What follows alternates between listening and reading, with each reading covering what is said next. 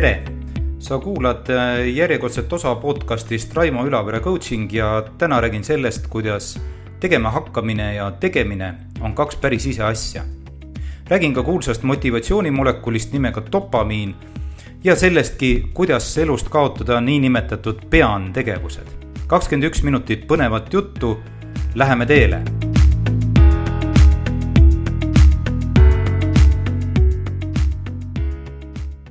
alustuseks paar juttu. kui sa oled käinud äh, koolitustel või kuulanud motivatsioonikõnelejaid, no ja tegelikult, kui sa isegi pole käinud või, või kuulnud motivatsioonikõnelejaid, pole ka hullu, Ivale saad ikka pihta. siis oled tõenäoliselt kohanud jutte sellest, ähm, äh, kuidas elus peaks olema ikka rohkem neid niinimetatud tahantegevusi. Äh, ja vähem neid niinimetatud peantegevusi see käib nii, et tehakse nimekiri tegevustest, mida sa teed, noh, kas tööl või kodus või üleüldse elus. ja siis tõstetakse need lahtritesse tahan ja pean. ning kui peanlahtris on rohkem asju, rohkem tegevusi ja nende tegemine võtab suurema osa ajast, siis on justkui midagi valesti. pead elu üle järele mõtlema ja, ja tegema raskeid otsuseid mea culpa ehk olen ise ka süüdi, olen, olen ka ise lasknud inimestel seda harjutust teha ja võib-olla pole selline jaotus ja mõtlemine ehk aga sugugi mõistlik. miks? no kuula edasi ja, ja eks otsusta ise. ja, ja teine jutt ähm, enne päris sisu juurde jõudmist ähm, puudutab aga seda, kuidas me oleme harjunud ennast ja teisi motiveerima. Äh, kui ees ootab tegevus, mis ei tundu justkui nii väga tore, siis hakkab pihta toosama motiveerimine tegelikult on see sulle kasulik, see on nauding, see on äge või midagi muud taolist. proovime keerata niinimetatud pean tegevust tahan tegevuseks. enamasti, tõsi, ebaõnnestudes. miks?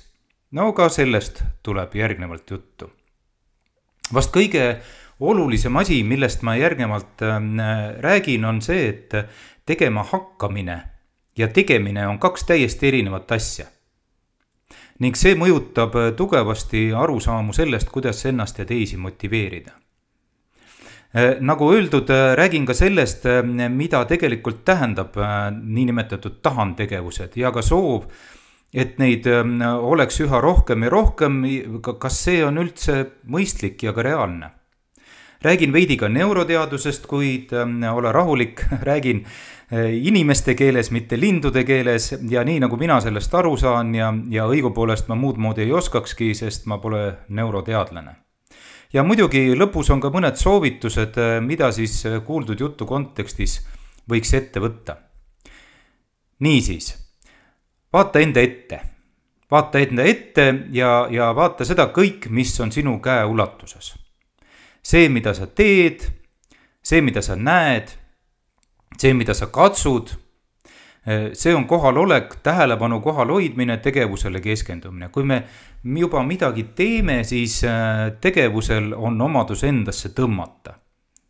ja sellega seoses eh, meie nii-öelda kehakeemia tasemel erituvad meile verre igat sorti huvitavad molekulid, noh, oksüdotsiin, noh, kui, kui nauding teistega koos tegemisest ja nii edasi ja nii edasi ent need on sellised, neid kutsutakse selliseks kohaloleku molekulideks. Ja sageli me proovimegi veenda äh, enne niisugust nagu mitte väga toredat tegevust, et see on sulle kasulik ja teistega koos tegemine on nii tore, ehk me rõhume ja vajutame nendele samadele kohaloleku äh, molekulidele siis justkui. arusaamatu, et tegelikult on see sootuks teine seisund, sootuks teised mehhanismid meie peades ja kehades kui see, et, et, et, ähm, et me hakkame tegema versus siis see, et kui me juba teeme. küsimus ei ole tegemises, küsimus veel kord on tegema hakkamises. Needsamad molekulid, mis aitavad meil tegevust nautida, kohal olla, ei ole need, mis meid liikuma panevad. nüüd tõsta pilk ülesse ja vaata kaugusesse. nii otseses kui ka kaudses mõttes. tõsta pilk ja vaata kaugusesse uus eesmärk tööl, mingisugune siht spordis või kasvõi eemal virvendav poesilt, kust on vaja minna äh, piima ja leiba ostma. kõik see, mis ei ole meie vahetus käeulatuses, nii füüsiliselt kui meie peades, kõik see nõuab mingisugust pingutust, mingisugust plaani, et seda kätte saada. ja siin tuleb mängu niinimetatud motivatsioonimolekul ehk dopamiin.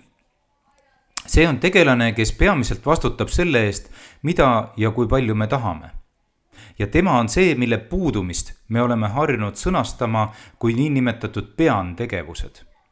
seega lihtsustatud tahan tegevus tähendab, et mõte tegevusest laseb dopamiinikraanid valla ja pean tegevus omakorda tähendab, et kraanid lähevad valla küll, ent sealt tuleb sootuks aineid, mis tekitavad meis teistsuguseid tundeid, sealhulgas võib olla see ka hirmutunne, vastumeelsuse tunne ja nii edasi tore jutt, ent kuidas see mõjutab reaalselt isu tegema äh, hakkamisel?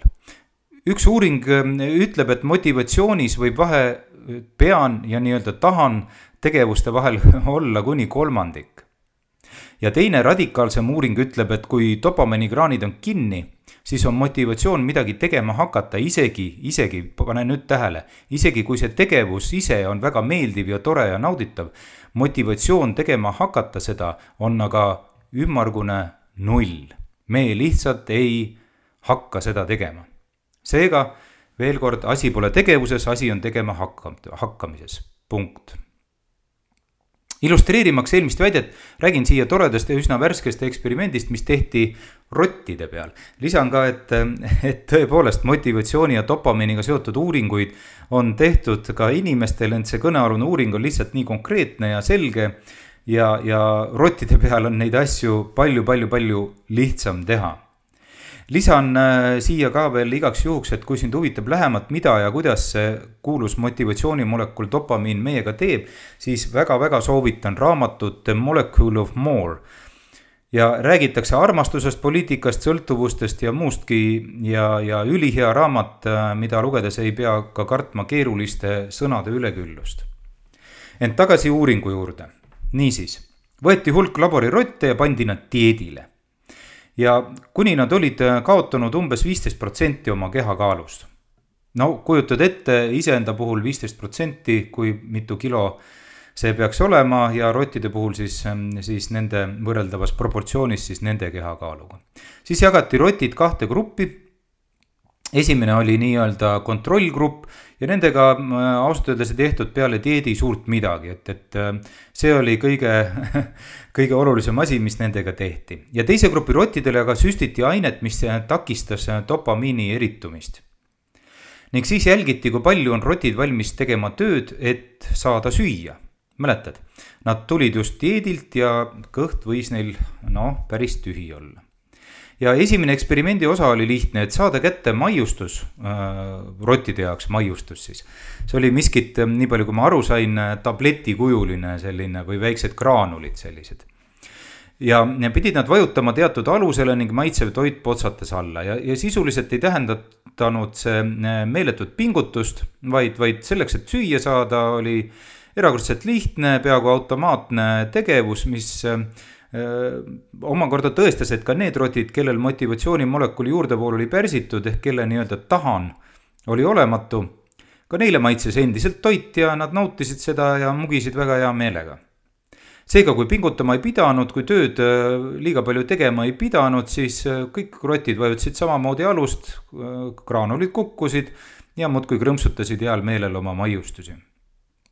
ja veel kord see tõestas, et söömine oli jätkuvalt nauditav kõikidele rottidele, väga oluline on see, see, see vahe, eks ole, see on see tegevus. see oli nauditav kõikidele rottidele. olukord aga muutus äh, päris järsult, kui rotid pidid hakkama toidu nimel rohkem pingutama ehk tööd tegema. E, kui söögi eest pidi vajutama ühe asemel neli korda sellele alusele, eks ole, siis tavalised rotid vajutasid kokku üle tuhande korra poole tunni jooksul noh, et saada süüa, nad muudkui tatsusid seal selle aluse peal, eks ole. ja nende kaaslased aga teisest grupist polnud sugugi nii innukad, nad vajutasid sama aja jooksul alust äh, umbes kuuesajal korral ehk äh, ligi kaks korda äh, vähem. olukord muutus aga veel drastilisemalt, kui vajalike vajutuste arv kasvas kuueteistkümneni, selleks, et kätte saada see üks nii-öelda tükikene toitu niinimetatud normaalsed rotid, vaid dieedil olnud rotid vajutasid ligi kaks tuhat korda poole tunni jooksul. kui nende kaaslased teisest grupist jäid endiselt samal tasemel. ehk nad said vähem süüa, no samal tasemel siis eelmise korraga, eks ole, eelmise eksperimendi etapiga. ehk, ehk nad said vähem süüa, aga tööd rohkem ka teha ei viitsinud, piltlikult öeldes ja lõpuks, kui toidutüki saamiseks läks vaja kuuskümmend neli vajutust, siis tavalised äh, nii-öelda tavalised rotid pressisid alust kahe tuhande viiesajal korral, noh, see on rohkem kui üks vajutus äh, sekundi jooksul. ent rotid, kelle dopamiinirakud olid suletud, ei hakanud varasemast rohkem vajutama, kuula nüüd tähelepanelikult, pigem vastupidi. Nende vajutuste arv vähenes ehk lihtsamalt öeldes nad andsid alla muuseas, äh, siinkohal ka viide ühele teisele eksperimendile rottidega Need, kellel olid äh, dopamiinirakud suletud, ei viitsinud astuda vaid äh, mõni sentimeer eemal oleva aluse poole, et üldse süüa saada, lihtsalt seisid paigal, söök oli praktiliselt noh, võib öelda piltlikult öeldes nina all, aga sinnamaani astumine oli, ei tundunud neile väga hea mõte, eks ole. seega võttes eksperimendid kokku, selle tahantunde tekitab dopamiin noh, ja dopamiin saab alguse mingisugusest mõttest, eks ole. ja selle eritumine siis järgneb mingisugusele, mingisugusele mõttele. ja see tähendab eelkõige naudingu ootust, mitte aga naudingut ennast, see on, see on naudingu ootus. ja, ja selle, selle dopamiiniga seostuvad märksõnad ehk selle tahaniga seostuvad märksõnad nagu üllatus, uudsus, võimalus, ootus teaduses öeldakse peenelt selle kohta inglise keeles reward prediction error ehk robustse otsetõlkena öeldes auhinna ennustamise viga. E, ja see ongi sõna-sõnalt see, mida, mida sa kuuled, me tegeleme pidevalt ennustamisega, meie aju tegeleb pidevalt ennustamisega. Kui palju on mul rahakontol, e, kui ma nüüd vaatan, mis ilm täna tuleb, e, milline on võistluse tulemus, mis mind ees ootab ja nii edasi ja nii edasi ja kui tegelikkus on parem kui ootus, siis see ongi seesama ennustamise viga. ja selle vea võimalikkus, selle vea võimalikkus on see, mis paneb dopamiinikraanid voolama ja tekitab tunde, et ma tahan. äkki on ikka raha rohkem, äkki on kuskilt juurde tulnud, eks. äkki on aktsiate hinnad kasvama hakanud. äkki on puhkus hoopis pikem. äkki saan kauem voodis pikutada. äkki on sündmus toredam. äkki on, mis iganes äkki on see pole aga ekstra raha või juurde võetud aeg või lisapuhkus või jäätis või mis iganes äh, muu asi, mida me ihaldame. seda tahantunnet tekitab jaht, tekitab ootus, tekitab äh, see põnevus, tekitab võimalus ootamatuteks headeks uudisteks seega veel kord, äh, tahan võrdub tegelikult mitte tegevus, auhind, asi ise, ent jaht selle järele. kuid selle jahiga on seotud ka üks mitte eh, nii tore nähtus. olles tegevust teinud, eh, sündmust reaalselt kogenud, siis iga korraga dopamiini kogus väheneb. iga korraga dopamiini kogus väheneb. uudsus, võimalus ootamatult positiivseks ennustusveaks äh, väheneb ja väheneb ka isu jahti pidada. see kehtib absoluutselt kõikide meie elunähtuste puhul. alates motivatsioonist teha tööd süüa maitsvaid asju, äh, seksist kuni sportlike tegevusteni. see on ka põhjus, miks raha kui motivaator on üsna lühiajaline, miks iga armumine saab ükskord otsa. Äh, miks algselt nii põnevana tunduvatest tegevustest justkui kaob võlu ja nauding ning nendest kipub saama, noh, kuidas öelda, üksluine nühkimine. Need lihtsalt pole enam nii-öelda tahan tegevused, need ei tekita isu nende järele jahti pidada tulles nüüd ähm, neuroteaduse ja kehakeemia juurest tagasi igapäevaelu juurde, siis eelneval jutul on ehk päris mitmeid ähm, järelmeid ja järeldusi. nagu öeldud, liikuma hakkamine ja liikumine, tegutsemine on kaks täitsa ise asja. suur ja ehk võib-olla ka olulisem küsimus on, kuidas saada liikuma. ehk mis on see, mis tekitaks jahitunnet, tunnet, et ma tahan ehm, püsivat ja tugevat tahantunnet ei tekita äh, kellegi teise jutt sellest, kui kasulik või nauditav eesootav tegevus on. see on see, mida me ju tavaliselt motiveerimise nime all teeme. see tahantunde tekkimine on pigem seotud autonoomse, ähm, see tähendab, et ainult meist endast ja seestpoolt tuleneva sihi või eesmärgiga lihtsas eesti keeles tähendus, iva, point. Miks ma seda tegevust peaks tegema, on oluliselt parem ja püsivam äh, jahisiht kui äh, kuskilt väljaspoolt meile ette antud, äh, olgu see piits või präänik. ükski jaht ei kist-, kesta igavesti, see on oluline, ükski jaht ei kesta igavesti võtmesõnaks jahi kestvusele, püsivusele on siin ehk aga kaks asja. uudsus ja vaheldus, esiteks tahan väheneb ehk dopamiini kogus väheneb, kui tegevus, tegevus muutub rutiiniks, seega eh, me peaksime proovima seda hoida värskena, uudsena, siis see jaht ka pikeneb. ja teiseks on kummalisel kombel eh, raskus ja keerukus. kui siht on ülilihtne, siis meil hakkab kiiresti igav. meil hakkab igav ja me ei viitsi enam jahtida piltlikult öeldes muidugi räägin ma siin võimatutest ja, ja ülirasketest eesmärkidest, et me peame ikkagi suutma seda seda eesmärki ja sihti ette kujutada ja, ja kokku panna ka meie reaalse äh, võimekuse ja võimalustega. veel üks asi, me ei pea hakkama mõtlema kunstlikult äh, tegevusi endale meeldivaks, see ei ole mõistlik tegevus.